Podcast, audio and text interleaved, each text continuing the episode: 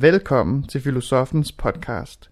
Du lytter til en sæson, der handler om den store filosof Søren Kierkegaard. I anledning af 200 år for Søren Kierkegaard tager Anders Fogh Jensen eksistenstænkningens mest fundamentale spørgsmål op. Hvad er mennesket, og hvordan skal jeg leve mit liv? Det gør han her sammen med Knud Romer og Lars Henrik Schmidt. Udsendelsen er fra Radio 24 Romeriet den 9. november 2013. Rigtig god fornøjelse.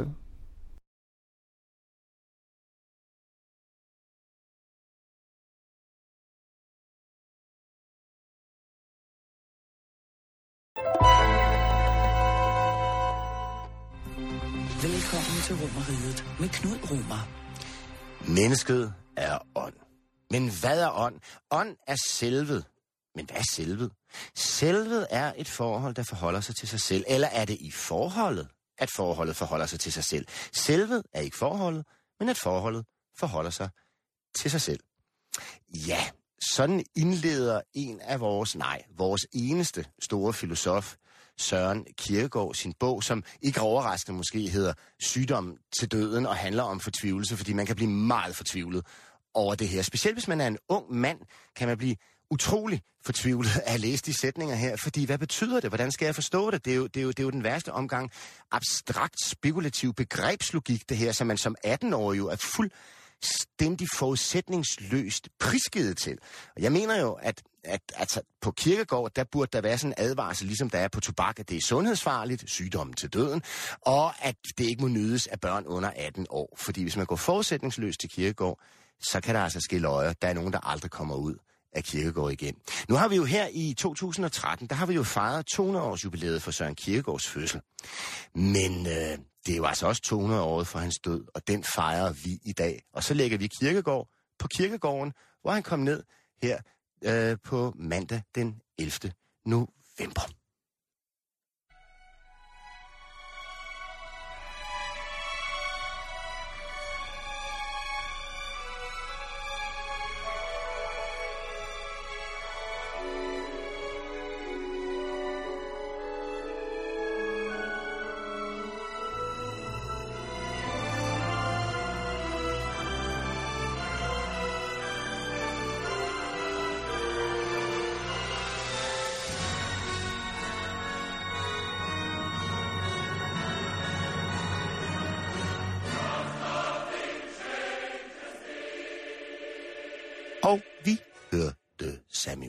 Barber, Prayers of Kirkegaard, opus 13, som de siger med stewardessestemmen inde på P2. Det gør vi ikke her, fordi her der har vi besøg af to Kirkegaard, ikke eksperter, men nogen, der eddermame ved, hvad de taler om. To filosofer i Romeriet på én gang, det kan kun gå godt. Øhm, og den ene, det er en af mine gamle idoler, det er Lars Henrik Schmidt. Vel mødt til dig. Tak skal du have. Øh, du er professor, og det manglede bare. Og du er professor inde på Institut for Uddannelse og Pædagogik øh, i forskningsprogrammet Pædagogik og Filosofi. Øh, du har skrevet, ja, jeg kan huske, er det, var det din Ph.D., der hed Den Sociale Eksorcisme? Eller din magisterkonferens hed det sikkert. du er min doktor. Det var din doktorafhandling. Ja, ja, det var dengang, der var doktorafhandlinger til. Nu er det blevet overtaget Ph.D.'er. Øhm, den var fantastisk at læse lys, luft og renlighed. Og, og, og siden da, der kom jeg så i reklamebranchen. Men du har jo ind, du har blandt andet senest skrevet Lærkomplekset, som handler om døtrenes overtagelse af verden. Og det er jo altså aktuelt om noget. Tusind tak, skal du være med os i dag. Og så har jeg besøg af Anders Fogh Jensen. Velmødt. Jo, tak. Min husfilosof, en af de få filosofer i Danmark, der faktisk taler fornuft. Øhm, og øh, du har jo begået en ny bog, Ja, det er rigtigt. og så vil jeg spørge dig, fordi den hedder, Hvordan skal jeg leve mit liv, Kirkegård?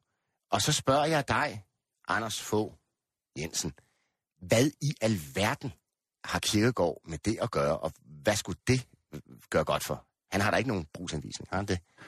Ja, det er, ikke, øh, det er jeg ikke helt sikker på, at han ikke har. Øh, I virkeligheden er det et greb eller et spørgsmål, som ikke ligger lidt, ret langt for de spørgsmål, han selv stiller. Han prøver jo at undersøge, hvad et menneske overhovedet er for noget. Øh, og når jeg gerne vil stille det spørgsmål øh, til Kirkegård, så er det også, øh, det er selvfølgelig på grund af Kirkegård-året, men og fordi at vi kun har en dansk filosof, må man også forholde sig til ham. Men når jeg gerne vil stille det spørgsmål, så er det fordi et spørgsmål, alle stiller sig. Hvordan pokker skal jeg leve mit liv? Og det er jo egentlig filosofiens første spørgsmål, var jo egentlig, det var jo ikke sådan noget logik og erkendelsesteori til at starte med. Det handlede vel om, hvordan man levede det gode liv. Ja, og på det tidspunkt handlede det jo meget om, hvordan lever det gode liv i overensstemmelse med kosmos. Ja. Øh, Hos Kierkegaard er det så mere i, i forhold til, til Gud, ikke? Men jeg synes faktisk, at det, det er et spørgsmål, jeg gerne vil have ind i filosofien igen, det her med øh, det levede liv. Og det, det er jo ikke for at sige, at det ikke er vigtigt at beskæftige sig med, hvad verden eller væren øh, grundlæggende er, eller med sprog, eller med fysik, eller sådan noget. Men at et eller andet sted, så kan det hele være lidt ligegyldigt, hvis ikke det også indbefatter spørgsmålet om, om liv. Ja, og så har Kierkegaard jo lige fra starten af, har han jo en brugsanvisning. Han har jo en idé om, at livet leves på i stadier og sådan noget. Er det, er det ikke sådan? Og altså, jeg vil nok hellere sige, at der er livsformer eller måder, Ja. man, man kan leve på, som jo er stemmer i os alle sammen. Altså, øh, noget, der er meget dominerende i dag, det er sådan en ironisk, æstetisk livsholdning, ikke? At noget, en tv-udsendelse er kun god, hvis jeg kan blive underholdt eller nyde den, eller jeg skal øh, kunne nyde kaffen, jeg skal ikke bare blive frisk af den. Øh, der er en, en holdning til, til både os vores øh, medmennesker, som er øh, meget præget af, af nydelse. Så er der øh, andre, hvad kan man sige, livsformer eller måder, som etikeren, som mere handler om øh, vælge at træde i karakter og kunne leve i gentagelsen. Og så er der igen det, som er lidt svært at beskrive for nutidens mennesker, den religiøse livsholdning, som er det at være del af noget meget større, som har Kierkegaards udtryk af, at det har sat mig. Altså, at som jeg ikke er årsag til mig selv, dybest set. Der er noget, der er noget, der er min grund, som ikke er mig. Og det kan være svært at forstå i sådan en øh, nyliberal, individualistisk tid, hvor vi får at vide, at vi skal skabe os selv. Livet er givet. Det er en gave. Og det er, jo, det, er jo, det, er jo, det er jo sjovt, altså det, det er jo i virkeligheden, altså det aktuelle i det her, og så kommer vi til Lars Henrik Schmidt, det er jo, at, at, at hvis man lever sådan umiddelbart, sanseligt, nydende, man er ude på løsgevinsten, ikke? What's in it for me, ikke? Mm. Og ha, ha, ha, og hi, hi, hi. Og det er ligesom den kropslige effekt, der er ligesom, også stoffer og sådan noget, ikke? Mm. Og forbrug, og, og de her umiddelbare lyster.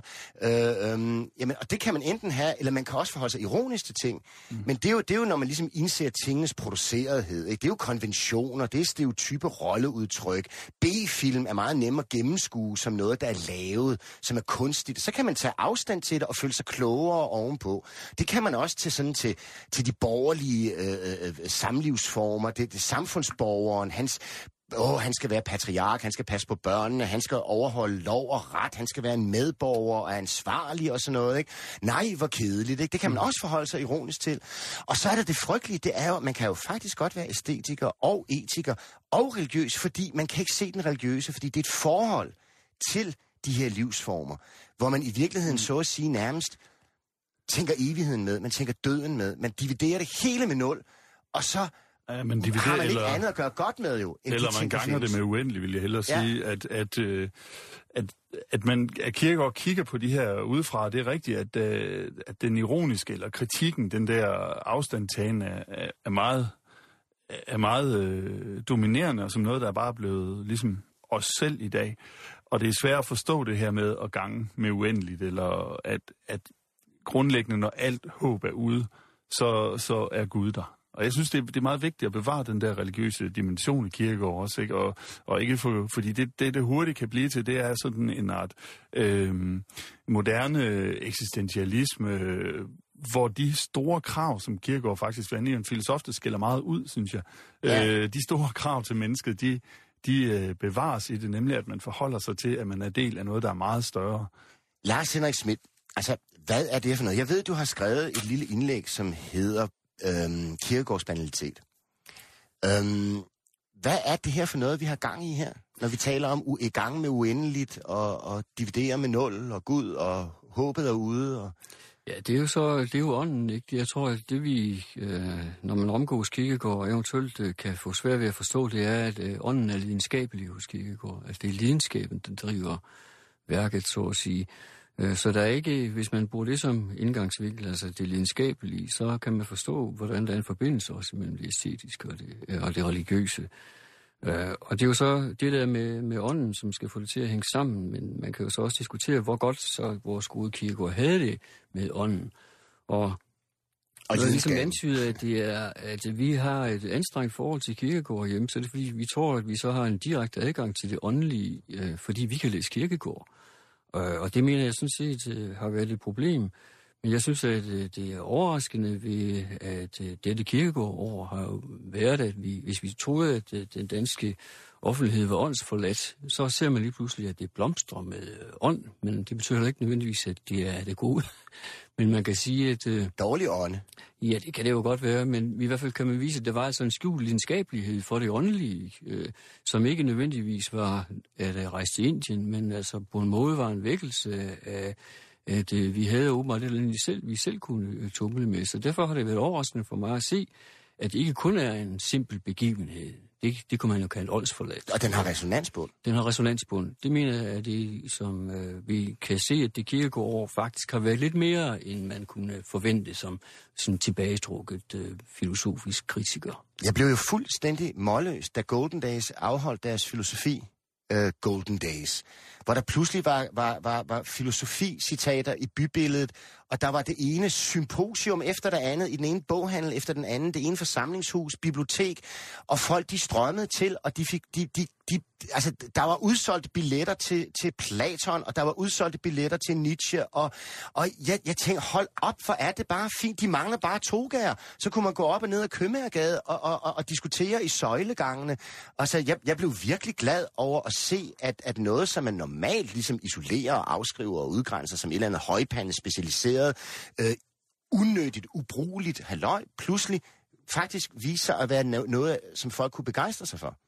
Ja, så altså, jeg synes, det er fint at, at se begejstring, men derfor synes jeg, det er godt, at der kommer sådan nogle bøger, som Anders øh, øh fru Jensen har skrevet her, som siger, så simpelt er det ikke, at vi kan gøre det hele til en, øh, et show eller til en begivenhed. Mm. Øh, Anders' bog er jo et eksempel på at bruge kirkegård som selvterapi, Mm. Og øh, det, er jo, det er jo lidt andet, ikke? Det er at prøve at tage dybden på sig og prøve at forstå, hvad det faktisk betyder, og ikke kun opleve, hej, hvor har vi det fedt, se, det er sjovt at gå til filosofi. Altså, at det ikke er en ren oplevelsesøkonomi, som slår igennem, men at der er en alvor. Det er jo den alvor, vi ser Anders leder efter, og det synes jeg sådan set, at vi skal huske dobbeltheden. Ja, fordi du har jo også skrevet om patologisering af tristhed. Og det skægge er jo, at den her tristhed, hvis man kigger på filosofiens historie, så kan man på mange måder se det som melankoliens historie. Fordi meget øh, langt hen ad vejen, hvis man Benjamin og altså du ved, Heidegger, altså for dem alle sammen er verden virkeligheden tabt. Objektet er tabt. Og det vil sige, at filosofien er på mange måder et sørgearbejde. Det er melankoli, filosofiens historie, melankoliens historie, hvor, hvor man hele tiden det er hinsides. Det at, at, at være fuldstændig til stede i et umedieret selvnærvær, det er ikke mennesket givet. Vi er simpelthen smidt ud af paradis.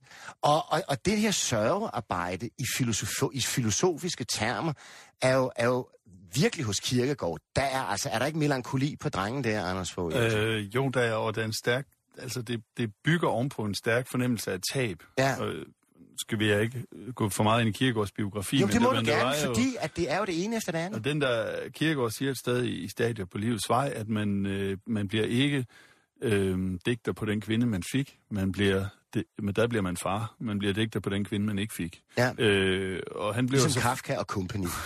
ja. Altså, øh, ja, man kunne også diskutere. Nu det betyder nok ikke så meget for Nietzsche, eller det, men der var også en kvinde, han ikke fik. Men Kierkegaard bliver filosoform på den, den kvinde, han ikke fik. Det vil sige, at, at det der, hvad kan man sige, det, det der kunne være blevet, men aldrig blev, det bliver en enorm produktiv øh, motor. Og det tror jeg altså også, det er generelt i filosofien. Altså personligt tror jeg, at jeg arbejder meget om på den verden, jeg synes, jeg blev lovet, men ikke fik. Ja. Altså det her med, at, at det, går ikke, det går ikke helt op.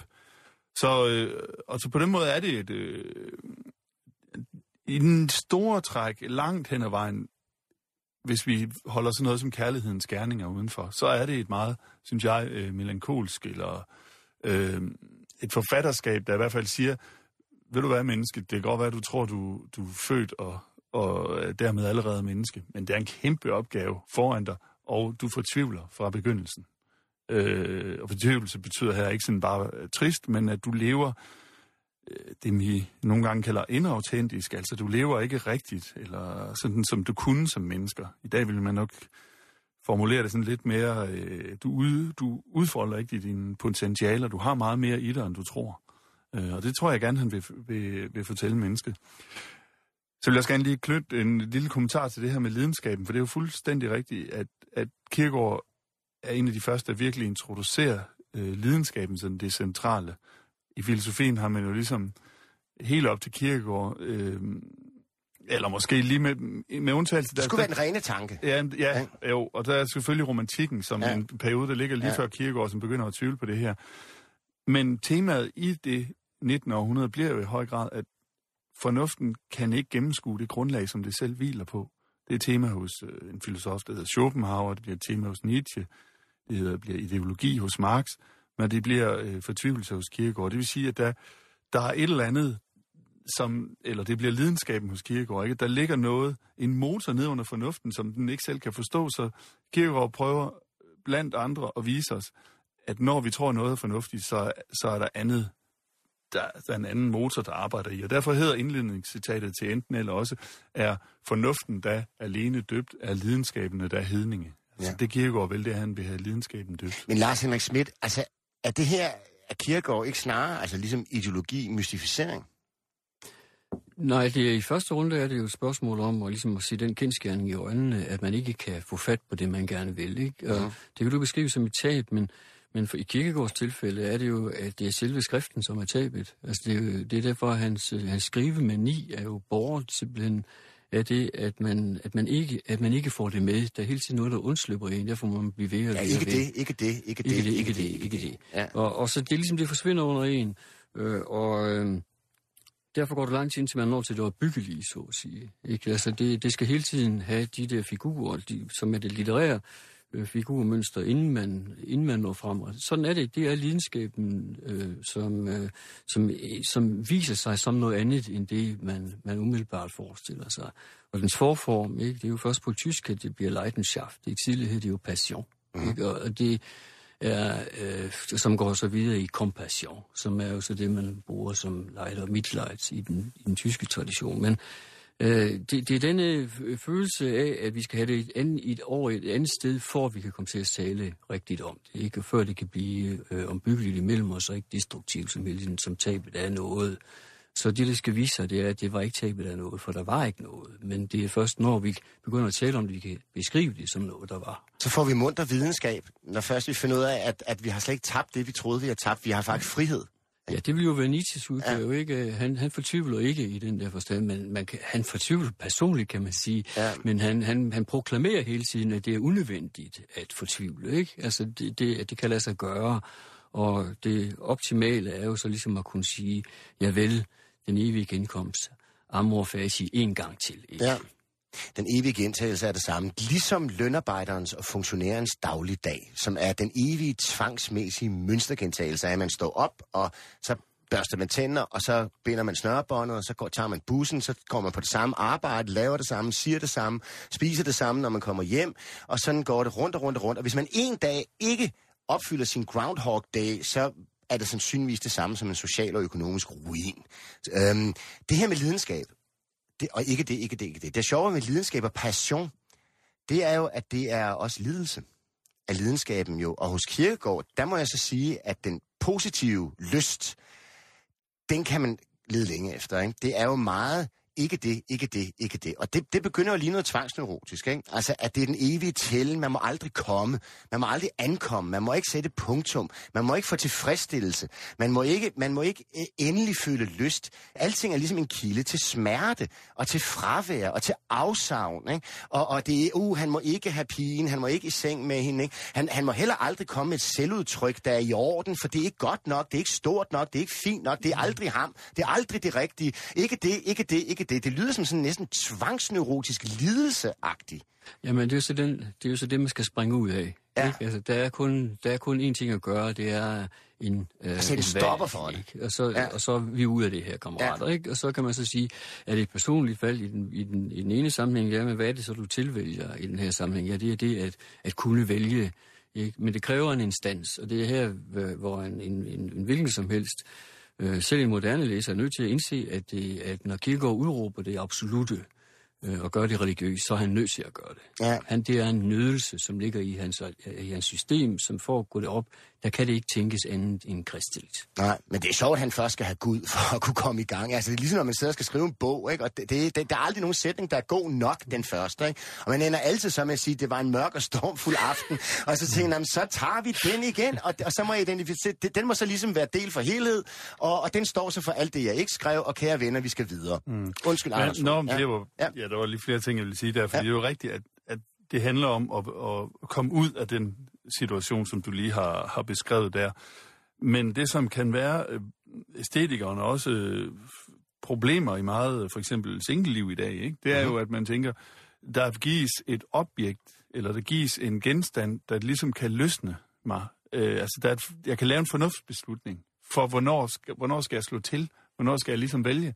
Men Kierkegaards pointe er, at det, det kommer ikke. Nej. Det er noget, du, du, må, du må ligesom Grunden tage skal, det. Du og må ligger tage hele det tiden valg. uden for en. Hun ja. Ja. skal se anderledes ud. Hun skal have ja. Ja. studeret noget andet. Hun skal dit, ja, Ja, ja, ja, hun skal datten, ikke? Hvor grunden hele tiden ligger uden for en selv. I stedet for, at man tager hvem som helst, og så gør det nødvendigt ved at vælge hende. Ja, så derfor bliver valget ja. jo sådan, det som Kierkegaard, han har ikke opfundet, men han har nok præget det begreb, der hedder at træde i karakter. Yes. Ikke? Altså, at så træder man ind i, og, og i det, man træder i karakter, så overtager man også ligesom ansvaret for sig selv. Der har ikke? man alt overfundet det, man er. negationen, ikke? Øhm, øh, det, Lidt. altså man er overvåget den der evige bevægelse, som Ja. man i hvert fald må være i hele tiden. Nå, det er Ja. ikke godt nok, det er ikke godt nok, det er Ja. ikke godt nok. Men altså, hvis man nu skulle være lidt ærlig Kierkegaard, han tænker meget ligesom helt, så det, han bliver ved med at være i sådan en dialektisk negation, som man siger. Men han kommer jo aldrig videre, Kierkegaard. Han bliver jo stående, ikke? altså i sit personlige liv måske nok, men jeg vil da mene, han har... Nej, jeg mener jo ikke, man kan lave en syntese, ikke? Altså, han har jo nærmest hele tiden antiteser, ikke? Altså, det ene eller det andet, det ene eller det andet, det ene eller det andet. Øh, Og så nej, jeg Gud synes faktisk, han siger for. noget andet. Jeg Nå. synes faktisk, han siger, for eksempel, at du, du er, mennesket er en, er en syntese af mulighed og nødvendighed. Ja, Og jeg skal balancere det, at nogle ting kan virke enormt nødvendige, og alt virker muligt for mig, Ja. særligt i den her kultur.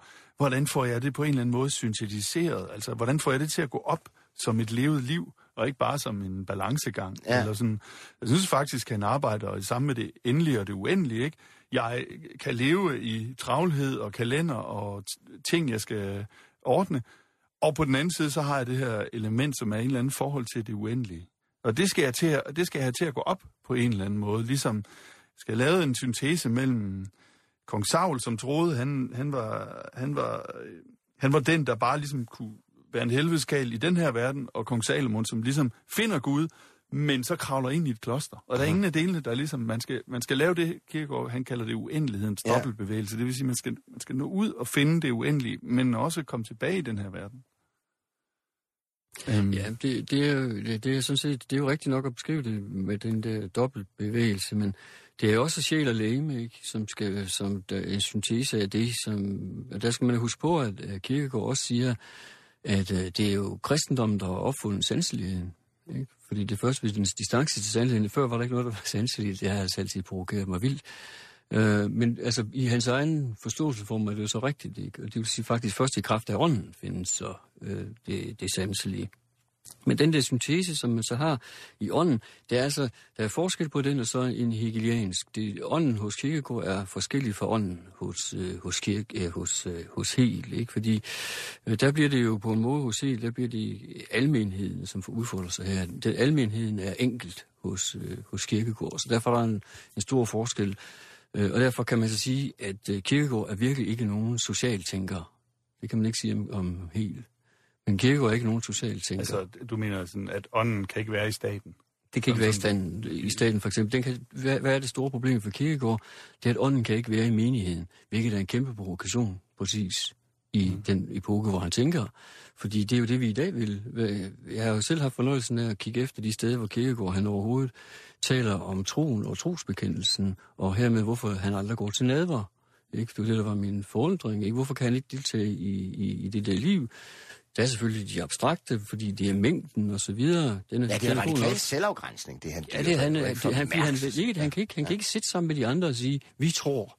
Det, det, er ikke, det er simpelthen uden for Kirkegårds univers. Og det vil sige, Ja, det lyder nærmest som hans mareridt. det er hans mareridt, det er, fordi ja. det er kirken, og det er det hele øh, øh, stormen kommer til at handle om. Altså, det er to helt vidt forskellige opfattelser af, hvad, hvad kristendommen skal gøre, altså forholdet mellem kristendom og kristenhed på dette tidspunkt. Så det, det, i den forstand er det indlejret i hans måde at øh, tænke forhold til gejstring på. Så da når jeg tillod mig at indlede med at sige, at det var en begejstring, som vi har, så er det jo i og for sig, øh, i den begejstring offrer vi kirkegård. Men altså, det er ikke det samme som, at vi ikke øh, lærer en masse om kirkegård, og kan bruge kirkegård og være stolte af kirkegård. Men selve begivenhedskarakteren er lidt i modsætning, kan vi sige, til den type filosofi, som, øh, som Kierkegaard beder os om at, øh, at udfolde os, nemlig en, en, en begrundelse i forhold til en sathed. Ikke? Han vil jo ikke være sted fra. menighed, han vil jo være Jesus. Vil han ikke? Vil han ikke op på korset? Han er pælen i kødet. Altså, det er jo ham, der selv er Jesus, er det ikke? Er det ikke, mm. nærmer det sig ikke det? Hans lidelse, hans passion, hans lidelseshistorie. Jeg er ikke som de andre, jeg er hin enkelte, og, og vi er alle sammen hin enkelte. Vi er alle sammen små Jesuser, der vandrer rundt, som aldrig bliver til det her fortabet i det uenlige, i, i, i, i, i, i, i gentagelsen, i, i massen, i almenheder og Ja, ja. banaliteter. Og... Jeg tror egentlig mere, han forestiller sig som et menneske, der ikke, øh, som vi var inde på lidt tidligere også, ikke formår at leve de her ting selv, som han beskriver. Men Ja. direkte, direkte vil være Jesus, det, det ved jeg nu ikke. Det, Ja. øhm, Nej, han lider ja. jo meget af, at han netop har det her brud. Altså, som jo er det tænkende væsens brud, ikke? Og filosofens melankoli. Det her med, at han tænker og tænker og tænker, men han kan ikke sætte punktum og komme frem til at handle.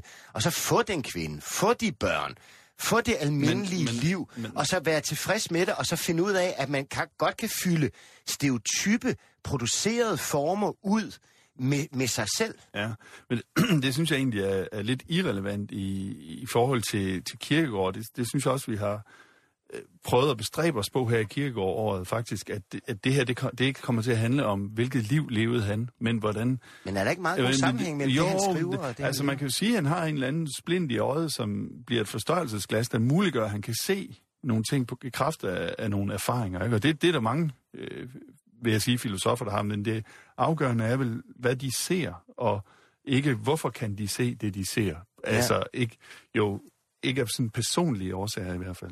Jamen altså, jeg, Mm. correct me when I'm wrong. Hvad hedder det? Jeg mener, at så vidt jeg husker fra mine omtogede hashtag, da jeg sad og bladrede mig igennem Kirkegård og hans dagbøger, og så tilbage igen, og fortvivlet, at den religiøse held, hvad han nu hed, han har, da han har en eller anden betegnelse for den religiøse held, ikke? Det er tit Abraham. Der er, der er jo troens ridder. Ja, troens ridder. Mm. Altså, at, at han er usynlig. Altså, at den almindelige, satte, øh, småborgerlige familiefar, som lever sit liv med at passe på børnene, med at forsørge sin familie, med at holde orden, med at være samfundsborger, med at være ansvarlig, med at bekymre sig om andre, at det i virkeligheden godt kan være den største ånd. At, at han er jo en, som netop ikke går rundt med et truthorn Jamen- og, og, og, og råber op, men lever sit liv i en fuldkommen på, han har jo sin uendelighed Jamen, med sig, men fylder de almene øh, producerede, samfundsskabte former ud. Ja, men det, og det kræver jo netop, at man har lavet uendelig, ikke bare en uendelig bevægelse Ja. ja. og gå i kloster, Ja. ja. men at man har lavet en dobbeltbevægelse. Du det vil sige, du har gået tilbage. det, og man ud- kan sige, ja. at kirker har sådan set ikke noget imod, at man har en samfundsfunktion, eller at man, Man må bare at man er familiefar, eller noget som helst.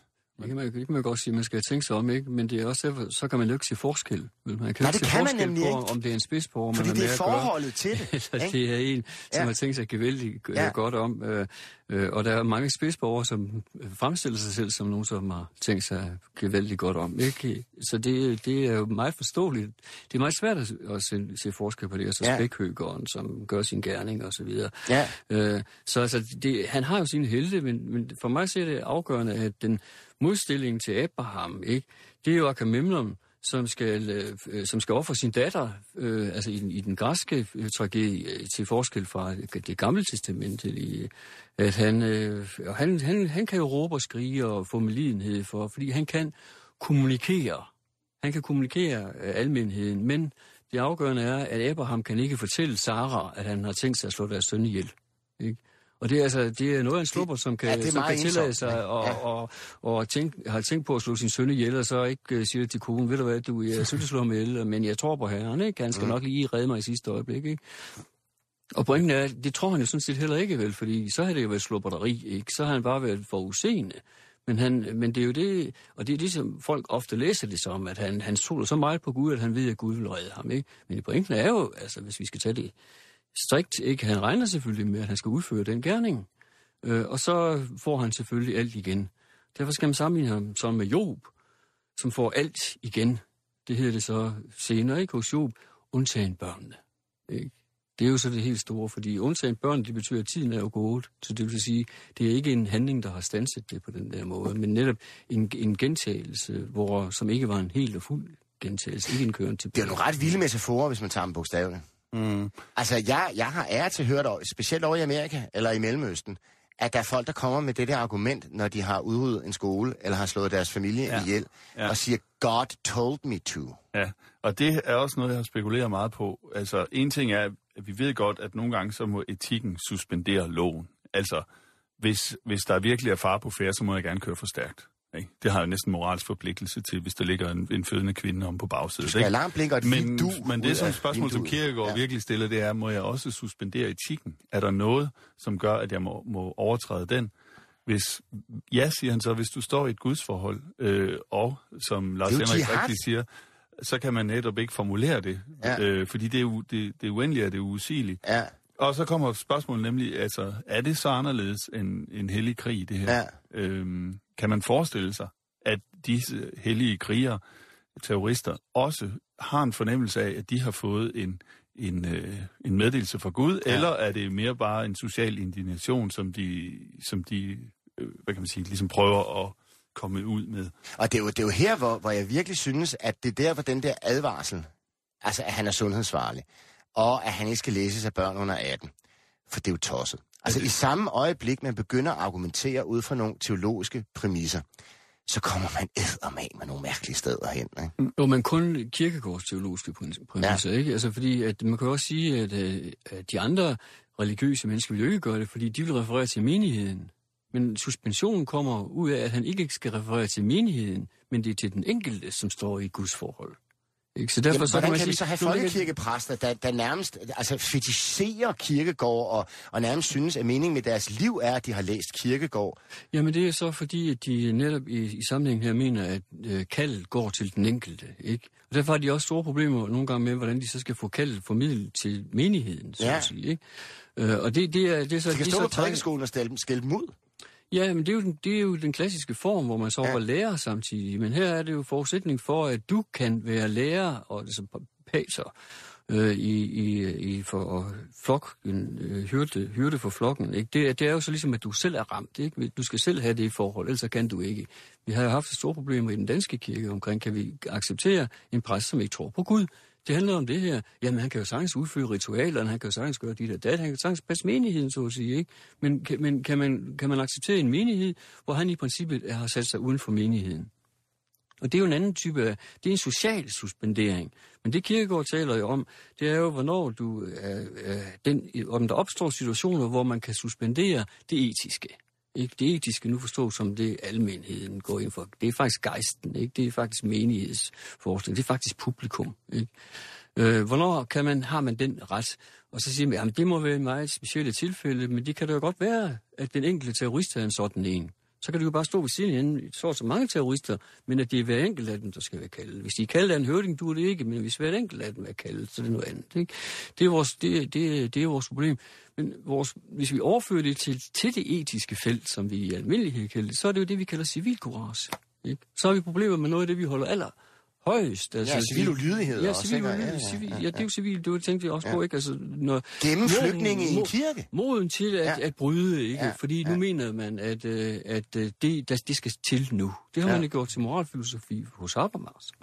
Og det er vel, men det er vel stadigvæk inden for etikken på en eller anden måde, at det al, almen moralske, det er ikke etisk nok. Det kan godt være, at det er sådan, vi gør, vi, må, vi, må, vi skal altid sige sandheden til politiet, men at man så mener, at etisk, der, der skal man ikke altid sige sandheden til politiet. Der skal man faktisk øh, gemme en flygtning. Så vi har selvfølgelig gør med en suspendering af moralen, men det bliver vel sådan stadigvæk inden for, for det etiske, vil jeg, vil jeg jo nok mene. Øhm, Jo, men, det, men det, er, det, det er stadigvæk en suspension af det etiske, ikke? Jo, hvis, det, hvis suspension betyder, at det etiske stadigvæk er bevaret i det.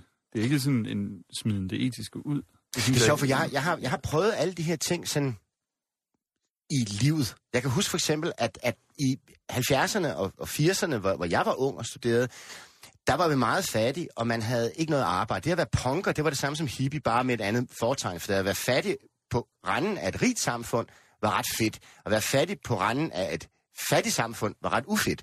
Og der var for eksempel så det her med, at momsen på bøger, det var noget svineri. Det var simpelthen svært. Altså man, for det første kunne man spytte, når man gik forbi Dangleterre, kunne man spytte på vinduerne med god samvittighed. Man kunne stjæle med god samvittighed, for man havde ingenting. Og i øvrigt havde man læst rimelig meget god, gedigen, marxistisk, freudomarxistisk litteratur til, at det nærmest var en heldegærning. Det er jo Blikkingegaden, det her. Ikke? Og jeg kan huske, at på et tidspunkt var jeg blevet sådan en meget, meget gedigen bogtyv.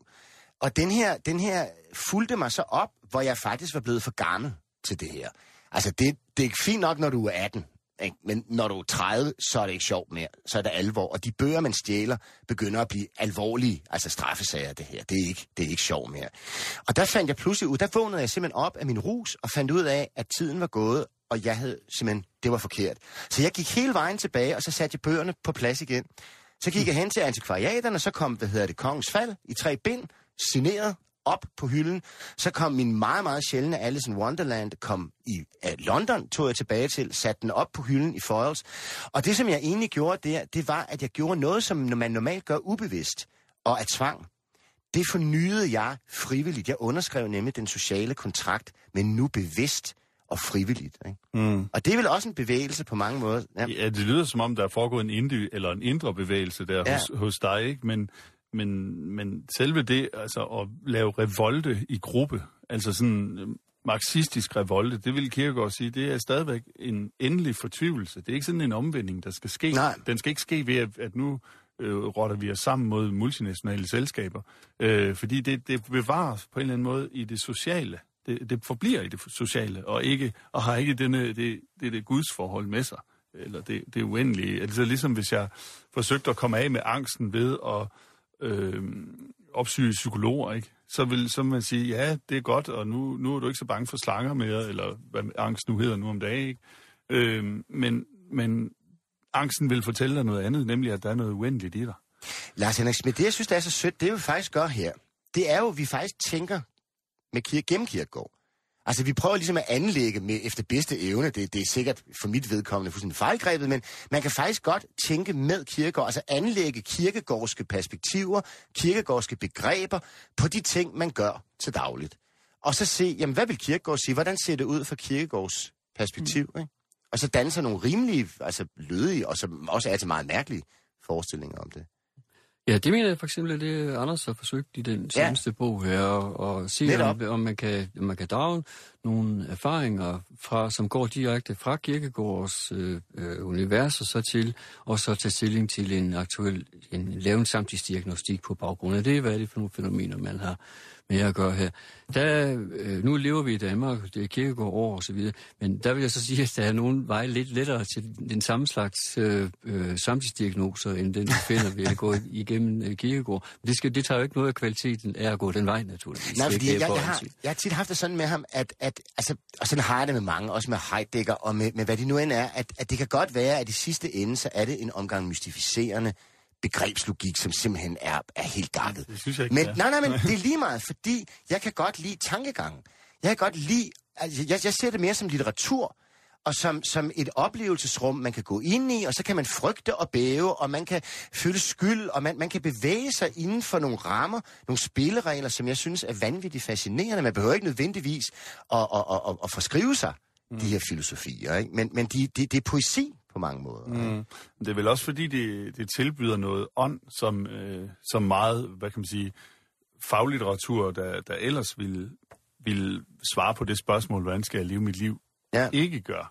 Øh, og så, og der, der synes jeg, at den franske eller tyske betydning af åndelighed som, som geist eller spiritualitet, det er altså ikke det samme som spiritualitet på dansk, altså sådan en, en, en hurtig tro på et eller andet overnaturligt, men det er et spørgsmål om, at der er, øh, hvad kan man sige, der er mening i tingene, at, øh, og der er måske ovenikøbet en, i hvert fald i den ældre, det der er ældre end Kierkegaard, der er en, en fælles mening i tingene, som ja. ikke bare er gjort med, om vi får øh, bragt arbejdsløsheden ned, eller sådan noget. Hvis vi lige skal skynde os, Lars Henrik Schmidt, han er jo ikke, han eksisterer jo ikke i et vakuum. Han er jo, han gik jo rundt på gaden sammen med H.C. Andersen, sammen med, hvad hedder ham, fysikeren, vores store fysiker, Først. H.C. Ørsted, ikke? Og, og så videre. Det var jo virkelig en guldalder. Men det var jo også en, en, en, en, en borgerlig tidsalder. Altså, han, han var jo rigmands søn, ikke? Havde den her far, der var meget streng. Øhm, han voksede op i privatsfæren. Han har jo ikke gået rundt på marken og levet, eller levet i sådan et kollektivt arbejdsliv. Så på mange måder, hans filosofi er jo sådan en klunkealder filosofi. Er det ikke? Han er jo også meget jo, altså udtryk for sin samtid, er han ikke? Jo, men han levede jo også på lån tid. Altså, det, det der er interessant, er sådan, nej, nu har vi lige aflyst det biografiske, men hvis vi må tage en lille Jamen, det pointe synes jeg, ind, vi skal, fordi... Øh, det, ja, det var det, at han, øh, det var fordi han, hans formue var sådan set også termineret til at holde op, da han døde, ikke? Altså, det var Han lever jo i ligesom- fritidsland. Ja, men det, det er klart, ikke? Men øh, det er så myse, han, han lever i det, Ja. ja. ikke? Men altså, det er... Øh, øh, det var det, han skulle, ikke? Og det var det, han kunne. Øh, og det var, øh, altså, fordi Kirkegaard var, var kaldet, ikke? Altså, han, han var kaldet til det. Han havde den her øh, Han havde også opgave. råd han til var, det, Jo, han havde råd til det, men hvor mange af os var ville også ikke gøre det, hvis inde. vi, hvis vi, hvis vi kunne, hvis vi, hvis vi kunne leve i et, et så på den måde rigt åndeligt liv, ikke? hvor mange af os vil så ikke det, vi andre vi er nødt til at, altså uden sammenligning selvfølgelig, ikke? Vi, jo, bo- vi må jo tjene vores, øh, vores øh, midler på, på anden vis. Jo, men det der, hvor jeg inde vil hen. Det er, at den her mand er rig nok til, at han kan leve i det, man med et fint ord vil kalde uproduceret selvnærvær. Og at enhver form for tilsmusning af hænderne ved at, at lappe cykel, eller ved at, at begå sig i et almindeligt borgerligt liv, er for ham et forfald. Det er et syndefald nærmest. Ikke? Det er et, et, et jeg-tab. Det, det virker nærmest skræmmende på ham i dens banalitet. Ikke? Mens man kan gå der og stå i fægterstilling med den store kappe og hat på, når man har pengene til det, og så stå inde i sin privatsfære, hvor han jo på mange måder er klaustrofobisk lukket inde. Og der, der sidder han så og tænker og tænker og tænker og tænker. Hvor, hvor på mange måder er jo det, der også holder ham i gang, det er, at der er intet udtryk, der, er det, der betyder... Han, han kan aldrig udtrykke sig helt. Der er intet, der er godt nok, der er stort nok. Så, så han, til sidst folder han sig jo nærmest om sig selv i sådan en refleksion, hvor han nærmest ligesom en rose, du ved, det ene blad efter det andet, der bøjer sig tilbage, og hvor han så ligesom er den her dunkle kern af inderlighed i en fuldkommen selvidentisk udtryksløshed, ikke? Hvor, hvor jo Adorno, eller hvem det var, der råber så i hans øh, øh, øh, bog om, om Kierkegaard, sesam, sesam, luk mig ud. Ikke? Ja, ja, det er klart, at tænkere som Hegel og Marx, de vil sige det der, at man for at erkende verden også er nødt til på en eller anden måde at arbejde med den, at det er gennem arbejdet, at man inderliggøre det ydre og yderliggøre det indre, men den transformationsproces, at man kan anklage, som man også anklagede Descartes for, ikke, at sidde i sit kammer, og, øh, og hvad ved han egentlig om verden så, fordi han har jo ikke, han har jo ikke været i gang med at forarbejde den. Øh, det, er jo, det er jo rigtigt nok, det kan man, det er, også- synes jeg også, at man hører som anklage. Jeg ved ikke, altså jeg vil stadigvæk forholde mig til, er det sandt, det han siger, eller er det ikke sandt, det Jamen, du rette, jeg elsker klunketiden. Jeg elsker der, hvor, man, hvor kroppen var demoniseret, hvor sanselighed var noget frygteligt, hvor, hvor, hvor selv bordene skulle dækkes til, fordi deres ben var, var, var, var altså hvor, hvor, hvor han er på flugt fra den her krop, ikke, som, som kun kan tænkes som noget lidelse, afkald, sygdom og sådan noget, ikke, og hjælp, ikke, og, og luder var det, altså det var jo, altså mm. hans udødelige sjæl, der blev fortabt, men, ikke, men og, i virkeligheden, i forhold til hans tid, så kommer han for sent. Nietzsche elsker jo at kokettere med, at han, han kom, Nietzsche kommer for tidligt. Det gør han muligvis også. Men Kierkegaard kommer for sent på den måde, at han forsøger at løse den splittelse med en enhed, som er Gud. Og det, det ville man måske have forventet på Pascals tid, eller Ja, det er 100, nemlig 100, det, som er 100 så år smukt. tidligere, ikke? Ja, men, ja. men han, han, han, Det siger, er han siger det i en tid, hvor man nærmest ikke kan sige det længere. underlig pointe, ikke? at det er, det elsker at han faktisk sidder der som sådan en munk i guldalder København, og, og, og, og i virkeligheden skriver sig ind i nærmest middelalderlig altså tankegang, ikke? Mm. Som, som, som, og det er jo, det er moderne, synes jeg. Ja, så, Altså, ja, undskyld. Ja. Nej, men det er jo næsten en, det er jo næsten en gammeltestamentlig øh, øh, øh, form for, for religion, vi finder hos Kierkegaard. Ja, han synes jo, ikke? Jesus kommer i vejen. Det er jo det, altså det, er det er jo fordi, det, det er jo levende. Ikke? Ja. Altså, det, vi har jo vist en vis, den, den ophobede kapital, ikke? den konstante kapital, den ser vi jo så på det her, på det her tidspunkt. Ikke? Men det er jo det, kampen mellem det levende og det døde, det levende arbejde, det døde arbejde. De, de der konflikter, de er de tilspidser, men de, de er uden for Kierkegaards vinduer, ikke? Fordi at, uh, han, han lever stadigvæk på at skulle løse nogle problemer, som han ser ikke er blevet løst i, i perioden forud, ikke? Og han, han mener at finde en forsoning øh, på det, hvor de andre de så forlader Gud, hvor han insisterer på, at det skal tænkes stadigvæk med en reference til øh, et øh, religiøst univers.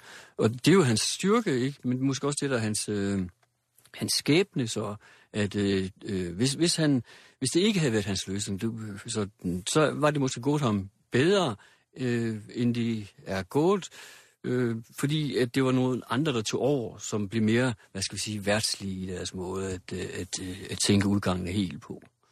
Hvad hedder det? Det, det, det som er, altså, når jeg også nævner det her med, at han ligesom er spærret inde i den her borgerlige intimsfære, som sådan en, hvor han nærmest altså, vokser op som sådan en, en tropeblomst i det der overophedede drivhus af, af underlige, øh, forknudede følelser og, og mystiske forbud og tabuer, og man ikke det, og det der enorme overjeg, ikke? det der kastrerende overjeg, ikke? Som, som jo nærmest altså en gang for alle øh, bringer en, en hver tanke om tilfredsstillelse til enden ved forbud, simpelthen. Med, med du må ikke, du, altså k- kropslig lyst og tilfredsstillelse og arbejde og, og sådan noget. Glem det et sekund, så skal jeg være der.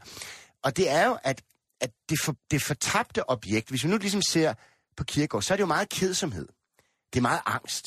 Det vil sige, det er meget objektverdens undergang, som, som forsvinder, og så sidder han der i, i det frie rum, og har tabt objektet for evigt, er melankolsk, kedsom, og han når aldrig frem til objektverden, til virkeligheden. Ikke? Og der sidder han så og, og spekulerer og piner sig selv. Mm. Altså det her med, du, at der er meget af det her, du må ikke, og den her måde at leve på er forkert og så videre. Der er noget meget vigtigt øh, i kærlighedens gerninger, hvor han tager kærlighedsbuddet op, som det hedder, for Matthæus kapitel 22, at, at du skal elske din næste som dig selv. Så der er også noget andet... At du skal ikke knippe du, den næste. Øh, det er vel ikke udelukket, at det kunne ligge i det, men det er ikke det er rigtigt. Du, du, du, du skal elske din næste, som dig selv. Du skal det er ikke, bare, dit, liv, det er ikke bare, dit, dit liv skal ikke være overfladisk, men det, uforpligtende det ikke bare, forbrug. Altså etikeren har en, Du må ikke. en pligt, fordi han Ja. har sagt, jeg ikke vil Tivoli. elske. Ikke Jeg vil ind i elske. Tivoli. Du må ikke men, gå i Tivoli. Men, men det er stadigvæk en pligt mellem mennesker, når man siger, jeg har valgt at elske, så vil jeg. Men her kommer der faktisk en og siger, du skal elske. Og det er der et kæmpe, hvad kan man sige, et opbyggeligt potentiale i. Altså Oh, noget altså, positivt. bevidsthedens herredømme over kroppen. Der er ikke noget galt i at elske alle, men at knippe den ene, det var hensides. Jeg undskyld mit sprogbrug, men det er ligesom for at understrege en pointe. Lars Henrik Schmidt, altså, Ja, men det er fordi, at vi ofte, når vi taler om, øh, om kærlighedsbud, det er, at du skal elske din næste, så glemmer vi altså, at vi har et dobbelt kærlighedsbud. Det starter med, at du skal elske Herren, din Gud, og din næste som dig selv. Mm. Og det er det, det, det, det man, man glemmer lige det der, fordi det er altså forudsætningen. Ja. Øh, og så det vil sige, det, det er allerede installeret, inden vi så skal, hvordan omgås vi så det her?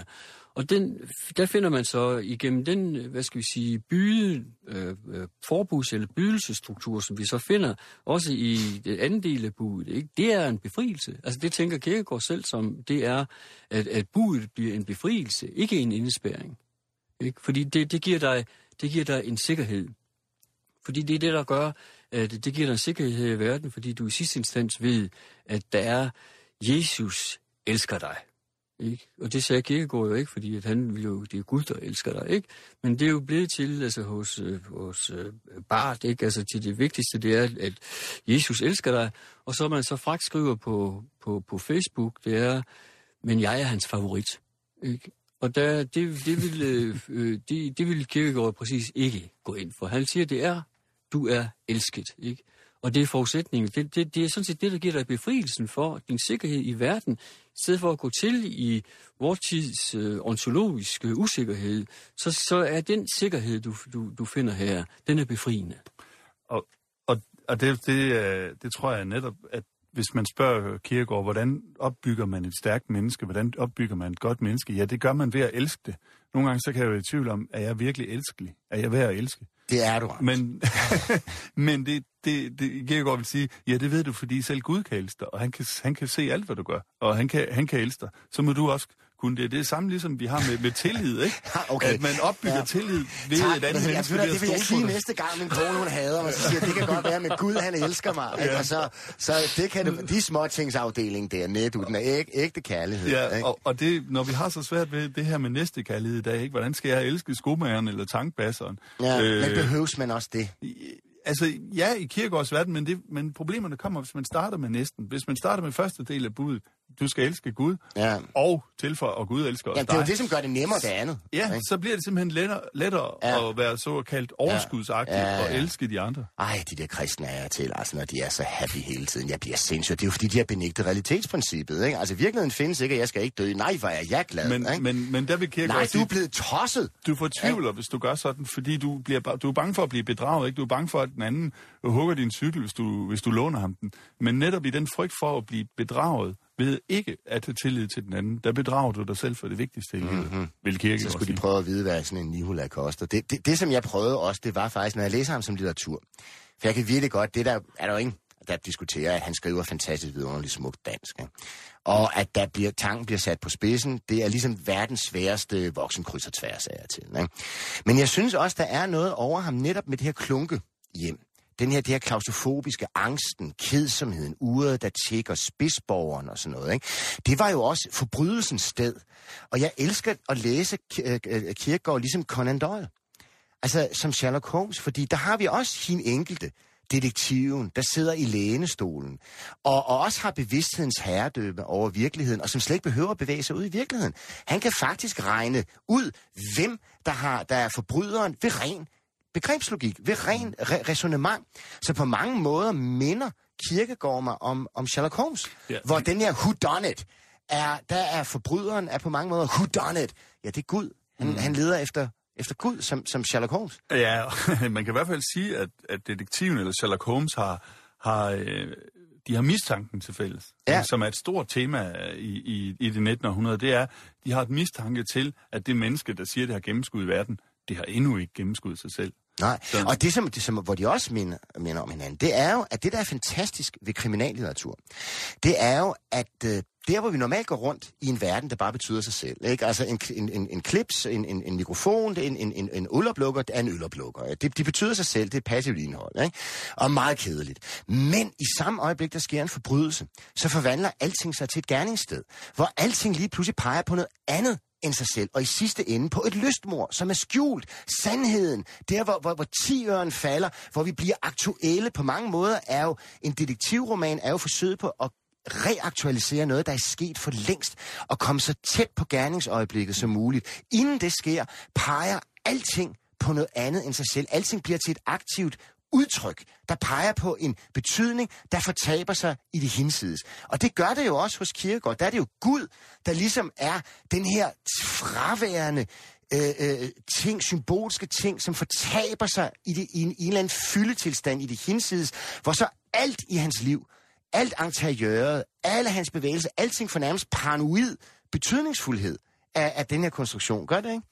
Altså man kan sige, hvis der er tale om et lystmor, så er det måske virkelig en frygten for at begå det lystmor på sig selv. Ja. For jeg tror, at detektiven opgaven, det er rigtigt, den handler om, den er jo bare i det indre i mennesket, i stedet for i, i de ydre og de andre så meget. Men det handler om at være bange for at følge lidenskaben og øh, dræbe det øh, øh, almindelige fornuftsvæsen, som man er som, som spidsborger. Ja. Mm. Jeg har lystmor, jeg kan selvmord.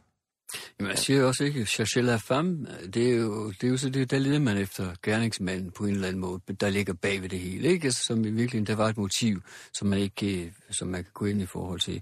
Men altså, jeg tror, at øh, der, er, der er jo forskel på, om man læser Kirkegaard, altså, hvor, hvor, hvor træls det kan være at høre på den opdeling. Der er forskel på, om man læser ham for det litterære, om man læser ham det for, for det filosofiske, eller man skal bruge det, øh, Eller det teologiske, teologiske Ja, og religiøse. Ikke? Altså, og det er klart, at, at hvor de, de steder, vi læser Kierkegaard fra, øh, øh, de, de har selvfølgelig betydning for, hvordan man forholder sig til de to andre, kan man sige.